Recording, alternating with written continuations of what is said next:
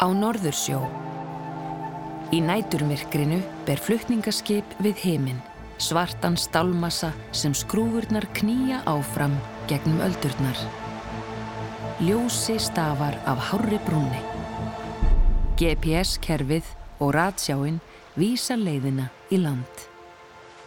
Hér hefst saga okkar, þó ekki núna, heldur fyrir lungu síðan, fyrir 1200 árum.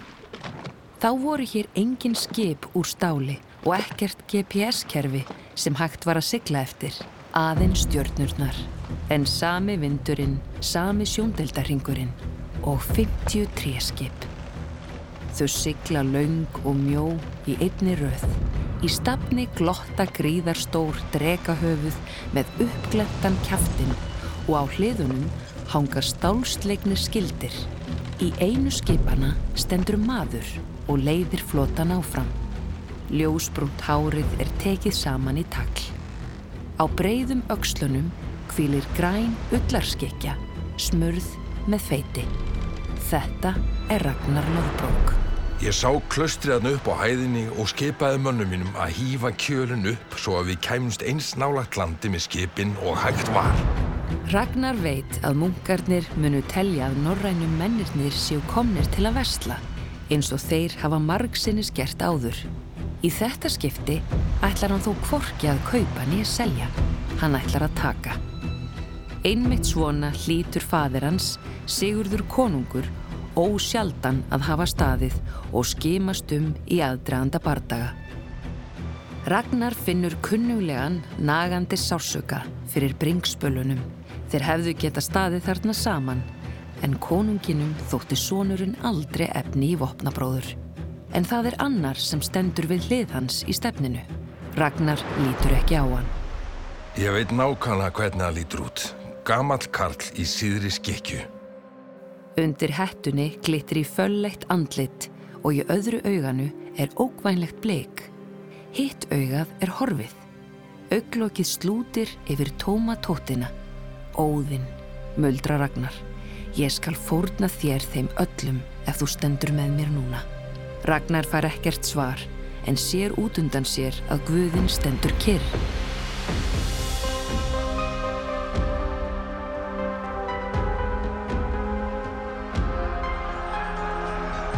Þetta er saga um fólk sem lifði í okkar heimi fyrir þúsund árum síðan, vikingana. Hún fjallar um háskafarir og hróttaleg rán, um sjóferðir til vesturs yfir Allandshafið og lengst austur í Asíu, um ævintýri sem áttu eftir að gjör breyta Norðurlöndunum öllum. Ég heiti Ragnar Lóðbrók og ég er stríðsmaður Óðins.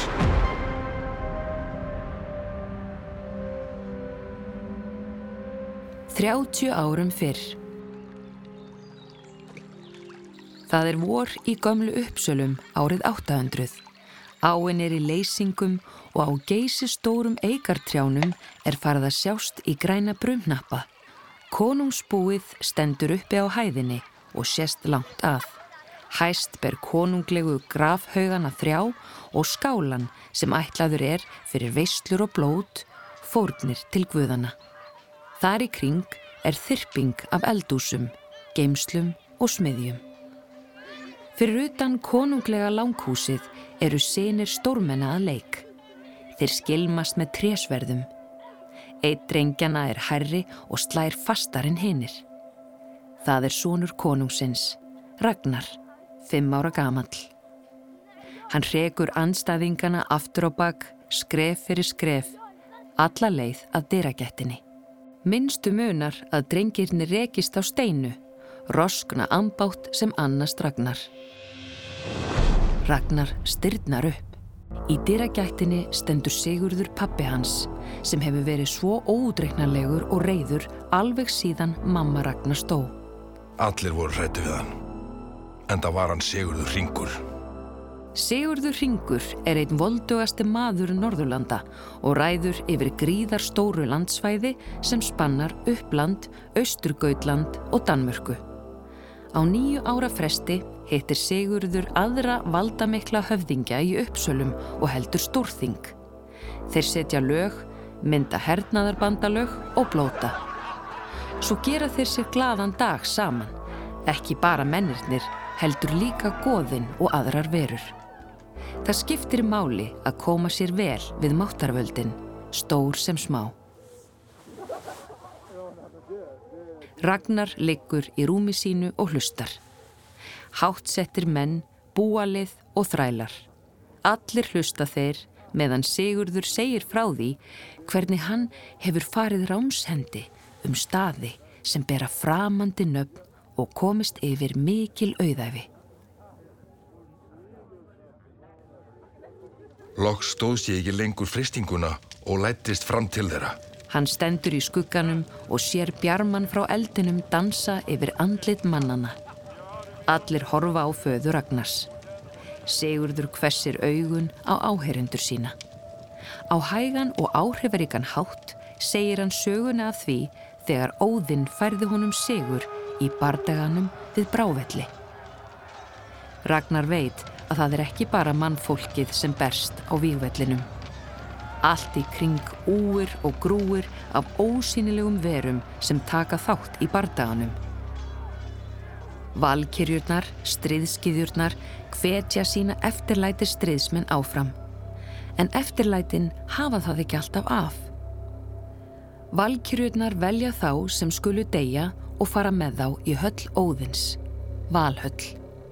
Úrslitt hvers einasta bardega eru fyrirfram ákveðin. Verkefni mannfólksins er að leika sitt hlutverk í hinnu mikla leikriti örlagana. Ragnar hefur heyrt söguna áður og þekkir hvert einasta orð.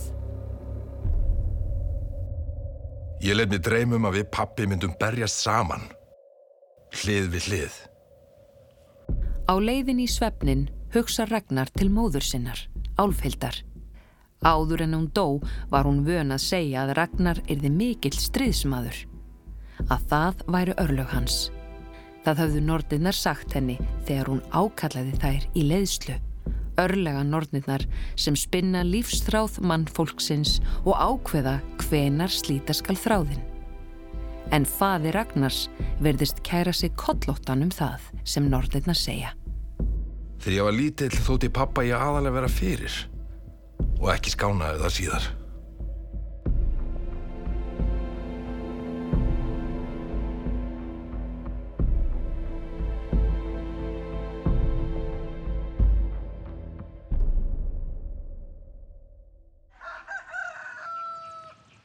Ragnar vaknar snemma og tegir úr laungum úlingsgöngunum. Nú er hann orðin 14 ára og sár í baki af vakstarverkjum. Varlega dregur hann skrín undan rúminu. Hann tekur upp litla kampin sem mamma hans átti. Hann rennir fingri yfir útskorið minstrið og finnur kraftinnar fylla sig. Í herberginu er þungt loft. Hann þarf að komast út. Með boga undir handlegnum yfirgefur hann húsið. Hann klifrar hátt upp í stóru eikina úti á hlaði og spennir bogan. Skítur á steina, fuggla og ketti. Hann æfir sig allt of nálagt fólkinu á búinu en enginn þorir að snöpra són höfðingjans. Sjálfur hefur Sigurður sjaldan tíma fyrir són sinn en Ragnar hefur lært ímislegt um veiðar og slagsmál af Ólafi ungu manni sem býr á konungsbólinu.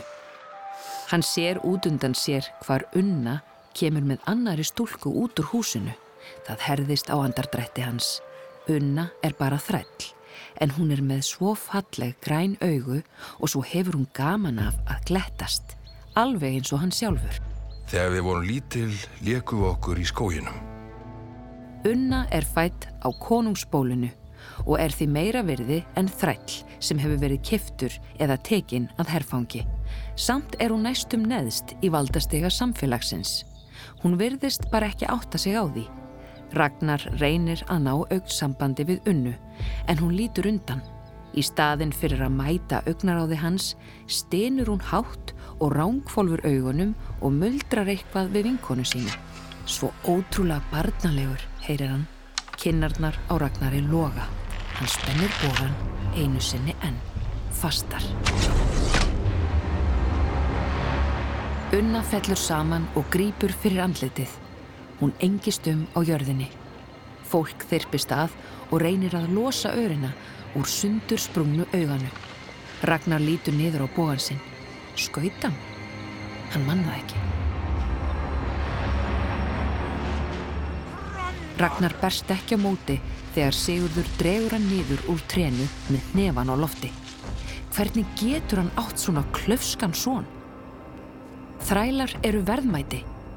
Nú situr hann uppi með ambátt sem er blind á öðru auga. Fyrsta höggið lendir beint í maganum á Ragnari. Hann missir andan en Sigurður heldur áfram að berja hann. Einhvern veginn tókst mér að rífa mér lausan og hlaupa í burtu.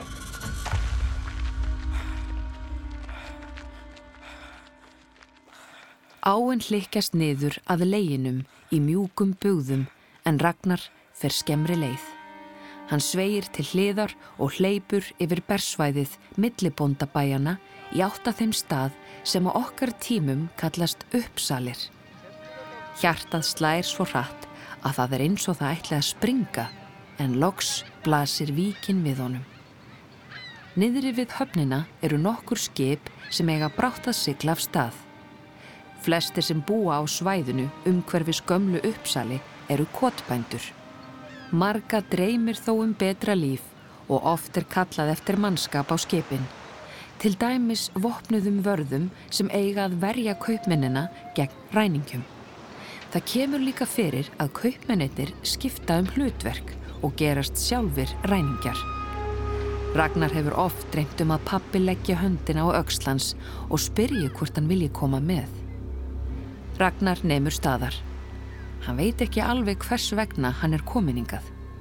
Allt í einu finnst honum einhver horfa á sig og snýr sér við í flíti. Hann sér grannan karlmann með sítt skegg og hettu sem slútir yfir andlitið. Annað augað er blind og innfallið en blikið í hinu er svo skart að Ragnar tekur skref aftur á bakk. Óðinn, hugsa hann. Þetta var í fyrsta skipti sem ég sá Óðinn, eða réttar sagt, sem hann sá mig. Ragnar ólst upp við sögur af Óðunni, guðinum sem kendur er við ofsareiði.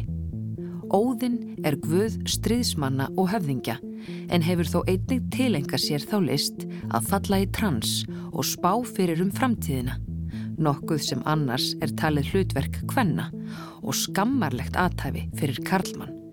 Óðinn býr yfir leinilegri þekkingu og eitt sinn fórnaði hann öðru auganu til að öðlast andlega visku. Hann fylgir engum reglum og fer sinna ferða eins og honum sínist. Maður veit aldrei hvar maður hefur hann. En nú hefur hann leift Ragnari að sjá sig. Sá gamli nikkar til Ragnars áður en hann stýgur um borð í skip sem er að fara að leggja úr höfn. Ragnar hlýðir hljóðlátri skipun hans og fylgir á eftir. Engin virðist taka eftir því þegar hann fer um borð. Skipið er alveg opið en Ragnar felur sig undir dúk sem hefur verið strektur yfir nokkra sekki. Hann finnur kaldan sting í maganum. Engin myndi gera sinu höfðingjans megin en þessir karlar eru ókunnugir og veit ekki hver hann er. Ég skild ekki hvers vegna óðinn hafi leitt mig hingað.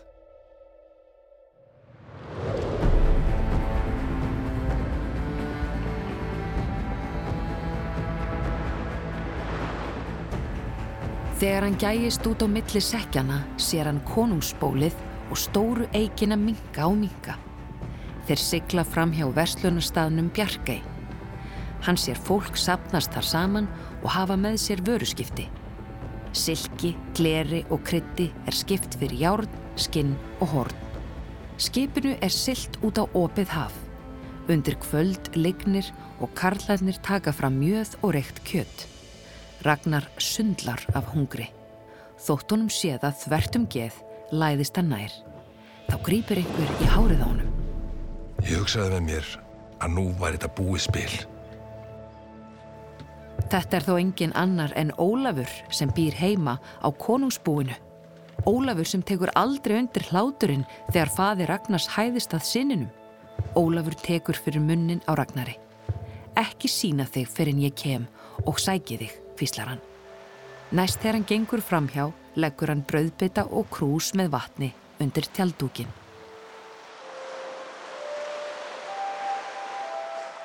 Þeir sigla háskalega en fljótfarna leið yfir opið hafið og vindarnir eru þeim hagstæðir. Fyrir sólaruppbrás fjórðadaginn leggja þeir að í landinu sem í dag kallast Eistland. Þorpið uppi á hæðinni sefur enn.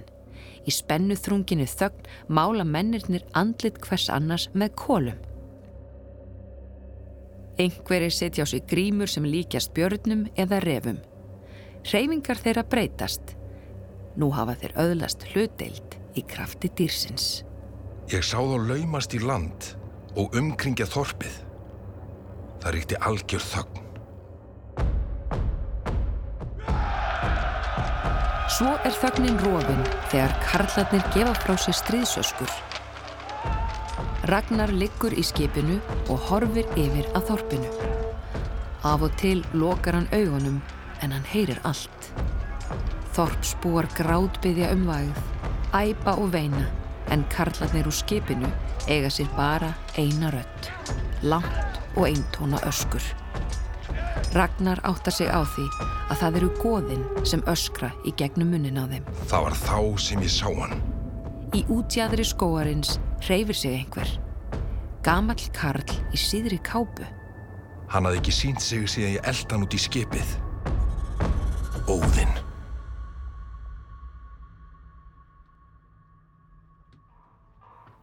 Þegar sólinn er komin hátt á loft hefur þögn lagst yfir þorpið. Karlarnir koma aftur og halda hver um annars axlir. Þeir lykta af svita og blóði en eru rólegir á svepin, nestum heðríkir. Ólafur tekur verndandi utanum Ragnar og býður honum upp á mjöð sem þeir stálu í þorpinu. Herfangið er gott. Búfinaður, vopn, húsbúnaður og nokkrir þrælar. Einn af körlunum spyr út í laumufarþegan en augnaráð Ólafs þakkar niður í honum. Ragnar er yfir komin af gríðalegri þreitu. Hann lokar augunum og er við það að sopna upp við auksl Ólafs en þá heyrir hann öskur guðana aftur. Hann sér andlit föður síns, hæðnisbrós unnu og eigin hendur sem draga bógastrengin aftur á bakk og skjóta.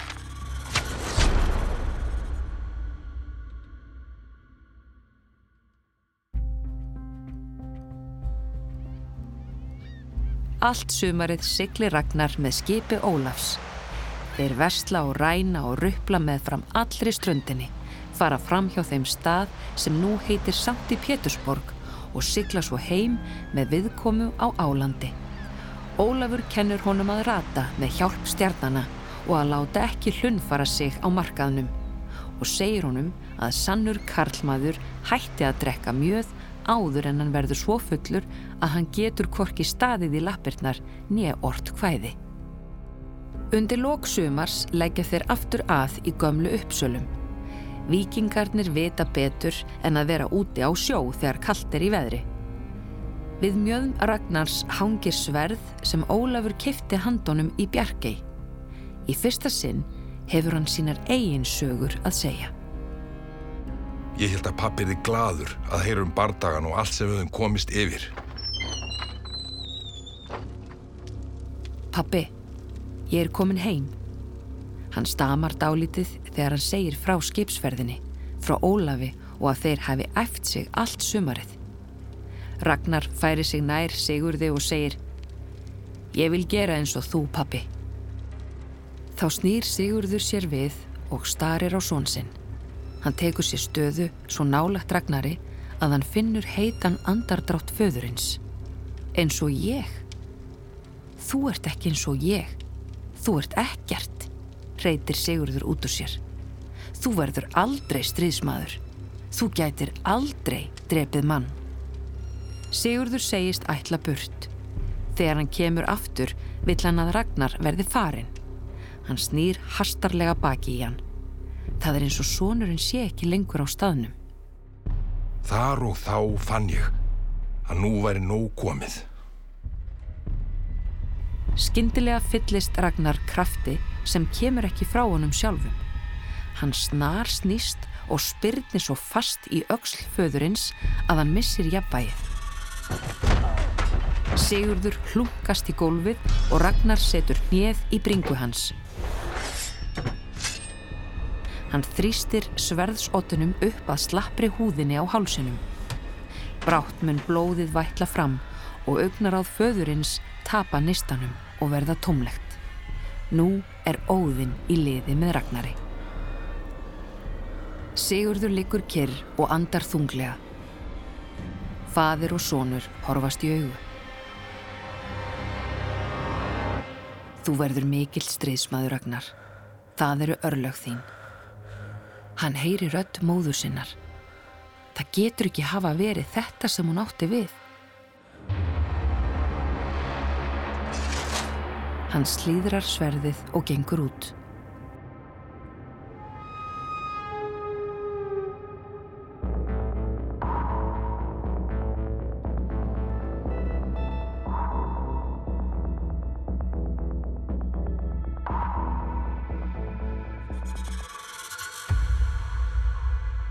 Ragnar situr í skugganum undir gömlu eiginni.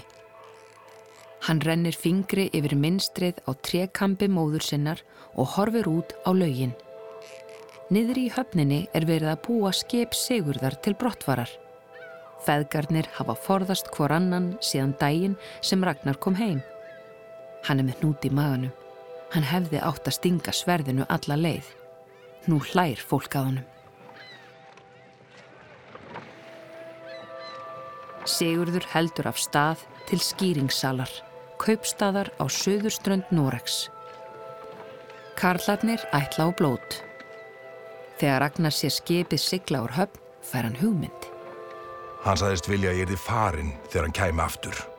Ég hugsaði, jájá, þá verð ég það.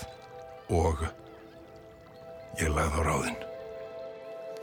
Ragnar ætlar að hlýða föður sínum og fara frá konungsbólunu en fara þaðan svo eftir verði tekið. Nú skal pappi fá að sjá hvaða mann hann hefur að geima. Ragnar spyr Ólaf ráða um hvernig hann geti komið saman sínum eigin flota. Hann lætur sig dreyma um að sigla af stað með skip sín fyrir framann augun á föðurnum. Í fyrstu hikar Ólafur og ráðlegu Ragnari að býða frekar í nokkur ár. Skipa yðnaðurinn er brösóttur viðfangs og Ragnar er ungur og óreindur. En Ragnar gefur sig ekki. Með samblandi af lovorðum, smjadri og hótunum tekst honum að fá fólk úr grendinni til að hjálpa sér að smíða skip. Og ég vissi að ef ég hefði guðina með mér í liði þá, þá geti engin stöða mig. Skipssmíðin tekur allan veturinn en þegar sumar er skipið tilbúið. Áhöfnin er erðarlaus og vil komast af stað. Það eina sem heldur aftur af Ragnari er að Sigurður er enn ekki komin heim. Ef þeir sigla ekki núna verða þeir að býða þar til næsta vor. Þótt Ragnari sé það þvertum geð tekur hann til við að hlaða skipið fyrir brottför. En þá sá ég það skindilega sigla í átt til okkar. Skip Sigurðar. Þetta er sannarlega skip Sigurðar. Tóki, hægri hönd Sigurðar, kemur fyrstur í land. Hann hilsa Ragnari en horfir ekki framann í hann. Hvar er Sigurður? spyr Ragnar. Tóki andvarpar og hefur frásögnina. Það gekk allt á afturfótonum frá fyrstu stundu, segir hann. Sigurður var í skjálfulegu skapi. Engin okkar gaf tjónkað við hann. Tóki segir frá með sinni mjóu, ólundarlegu röttu. Á blótinu varð Sigurður skindilega ástfangin af ungri stúlku, segir hann. Þegar Sigurður fjekk ekki hönd hennar, drap hann alla fjölskylduna. Ég spurði hvað eftir hannað. Hvar er pappi? Það er nú einmitt það, segir Tóki og ræskir sig. Ég skildu auðvitað að eitthvað var að. Hvers vegna sagði það ekki bara reynd út? Að lokum klifraði Sigurður sjálfur upp á bálköst stúlkunar og kastaði sér á sverð sitt. Tóki skiptir um umræðu efni og leggur til að hann reysi Sigurði Rúnastein eins og venjan er þegar um svo voldugan og mikilsvirtan mann er að ræða. Ragnar sér föður sinn fyrir sér þar sem hann klifrar upp á bólkustin. Hvernig dáin líkaminn brennur til ösku. Hann sveiplar kreftum hnefanum upp á við og lætur hann svo falla. Hnefin litast skær rauðu. Ragnar opnar augun. Tóki liggur fyrir framannan eins og blóðugt hrúgald. Ragnar horfir niður á rauðlitaðar hendur sínar. Hann skilur ekki hvernig það atvikaðist en nú hefur hann drepið mann.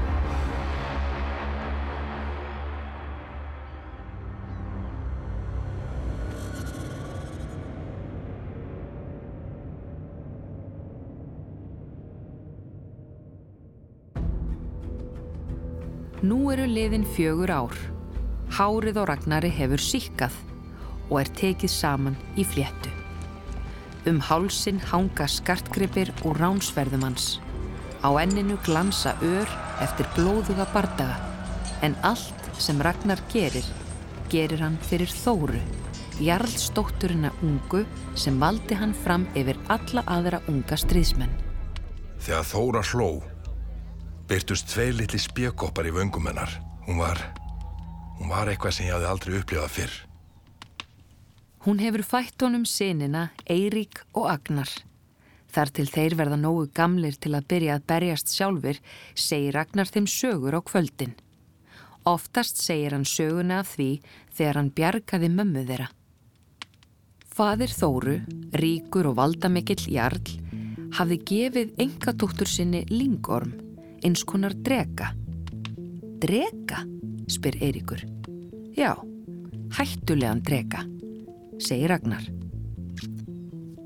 Fyrst var hann lítill en þegar hann stækkaði var hann jafn grimmur og versti varðhundur.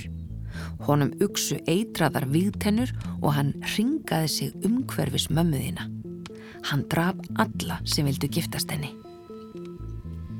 En ekki þig pappi, grýpur Eirikur fram í fyrir honum. Nei, segir Ragnar, því að ég var ekki bara sterkari en allir hinnir, heldur líka klókari. Þeim þótti mikið til þessara sögu koma um þá hvernig ég kynntist Þóru því ég drapinn óulega drega.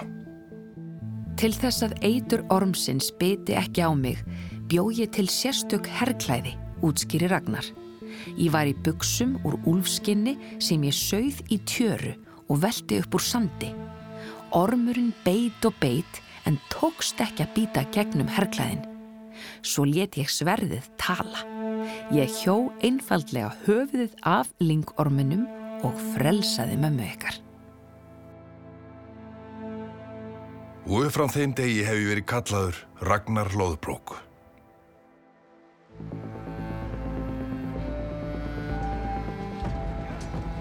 Á sumurinn er Ragnar alltaf að heiman.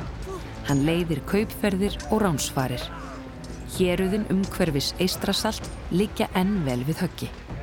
Stórir bardagar, nýjar slóðir og dýrir gripir lina erðaleysið um stund. Úti á sjó þráir hann þóru og ímyndar sér að kvíla í örmum hennar þegar hann kemur heim. En eitt haustið þegar Ragnar kemur heim er allt kyrt og hljótt á bænum. Eitthvað er að. Ekkert var eins og vanalega. Það var allt of hljótt. Hans gamla fóstra steina opnar fyrir honum, út grátin. Börnin sofa vært í fletum sínum en Þóra nötrar af sóttita. Ragnar tekur hann í fangið. Hún er létt eins og lítið barn. Hún opnar augun. Þú ert komin, hvíslar hún, áður en hún fellur í dá. Hann setur með hana í fanginu alla nóttina. Hann þrýstir henni að sér rétt eins og styrkurinn í örmum hans gæti haldið hennum kyrt.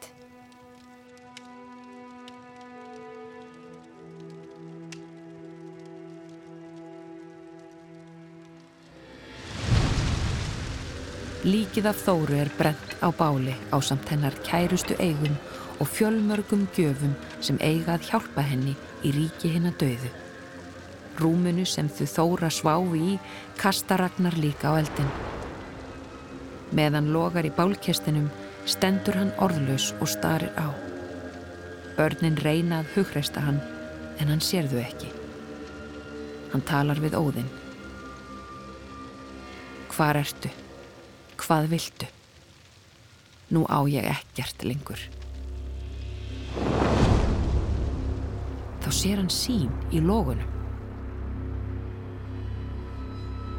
Í eldinum brennur ókunnug borg. Í fjölmörgum kirkjum ringja klukkur og fólk kasta sér niður í vatnið af borgarmúrunum.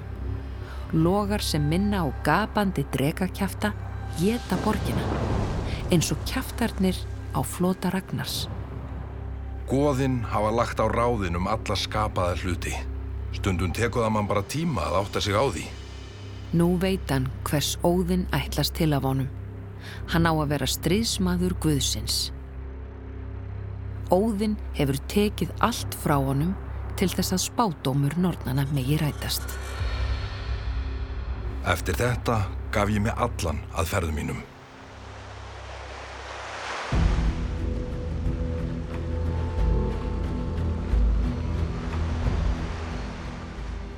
Og nú eru við aftur komin þangað sem sagan hófst. Ragnar siglir í fararbrotti geysi mikils flota. Við hlið hans standa sinirnir Eiríkur og Agnar. Þeir eru á sama aldri og Ragnar var sjálfur þegar hann laumaði sér um borð í skipið heima í uppsölum. Þungvopnaðir vikingarnir sigla rætt í áttalandi og spottakorn frá ströndu skipta þeir seglunum út fyrir árar og eru á augabræði komnir alla leið. Uppi á hæðinni glittir í klustur. Bátarnir eru dregnir á land. Nokkrar krákur krunga og hnita ringi yfir þeim. Verslunarferði duga manni dáritla stund en ránin duga lengur. Karlarnir riðjast inn í kirkuna.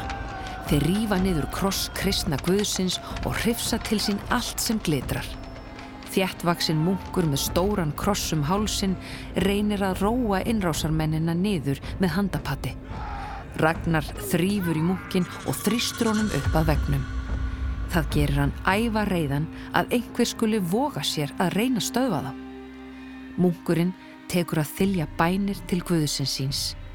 Ragnar sparkar honum niður á gólf og heldur áfram að berja hann. Líkaminn fyrir framannan tapar útlinum sínum. Ragnar skirpir á líkið. Hann lítur á menn sína og áttar sig á því að þeir eru hrættir við hann. Meiri segja sinirnir. Gott, hugsa Ragnar. Þið eigið að óttast mig.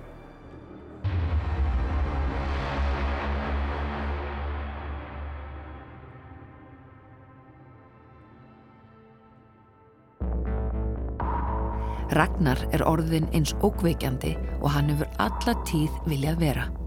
Stríðsmaðurinn sem mamma hann spáði fyrir um að hann erði. Strandana á milli eru sagðar sögur um Ragnar loðbrók. Sagan um stríðsguðin sem siglir um höfin og vekur ógn og skjelvingu er þekkt um Norðurlöndin öll.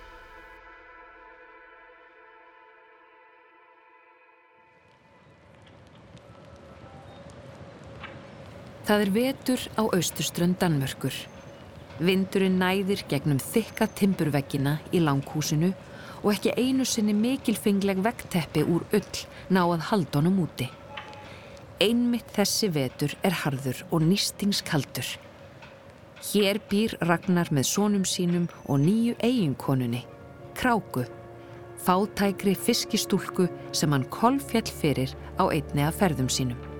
Það var endar áhefni mín sem kom fyrst auga á hana. Þeir höfðu brent brauð okkar við og afsökuðu sig með því að þeir höfðu séð fiskikonu sem væri jafn fögur og prinsessa. Og nú á kráka öðru sinni von á barni. En þetta skiptið er frábröðið því fyrra. Hún er með járbrað í munni og barnið sparkar fastar. Þegar barnið er nokkura daga gamalt ákveður kráka að magna seið. Hún ætlar að ná sambandi við andana sem hjálpa henni að sjá henni í framtíðina. Ragnar veltir því fyrir sér hvar hún hafi lerta. Hann veit að oft eru það konur sem njóta valda og verðingar sem ebla segið. Í fiskikofanum auðvitað, hvar ætti ég annars að hafa lerta, svarar Kráka. Ragnar spyr einskis frekar. Það var eitthvað við hana sem ég fekk engan botn í. Um kvöldið bruggar Kráka drikk sem hún svo tegar. Því næst sveipar hún barnið inn í gæru og sest undir fórnartreð við bæin. Hauskúpur af krákum og hröfnum sem hún hefur hengt upp sveiplast hægt til og frá í vindinum. Nætur langt kallar kráka á andana og undir morgun koma þeir. Hann skal kallast Járdsíða og hann verður sá svona okkar sem enginn getur skadað. Björn Járdsíða Ragnarsson.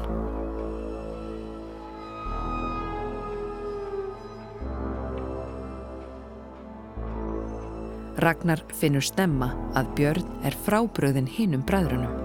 Hann var, hann var líkar í mér, snar, sterkur, harger. Ragnar fyllist hlýju stolti þegar hann sér hann. Sónur minn, Björn Járdsíða, segir hann gerðnan.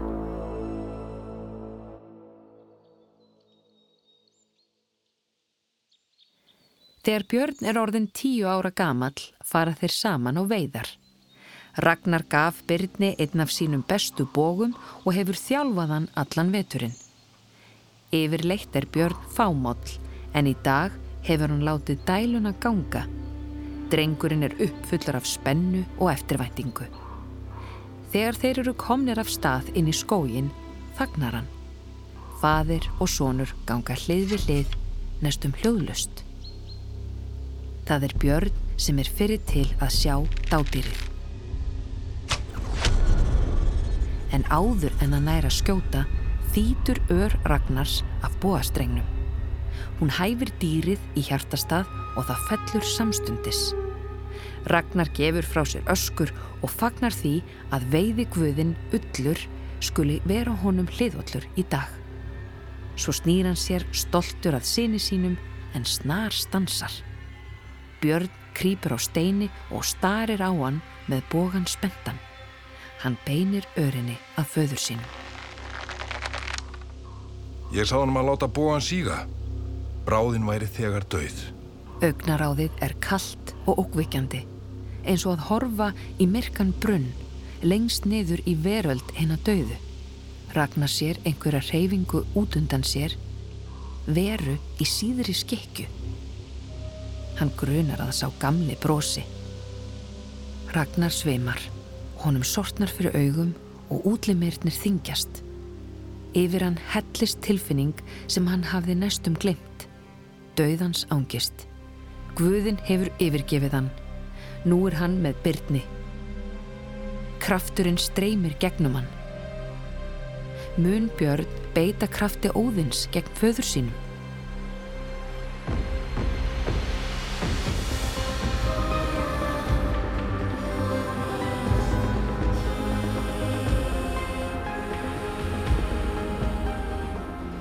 Í næsta þætti Allt í kring liggja dánir og deyjandi menn.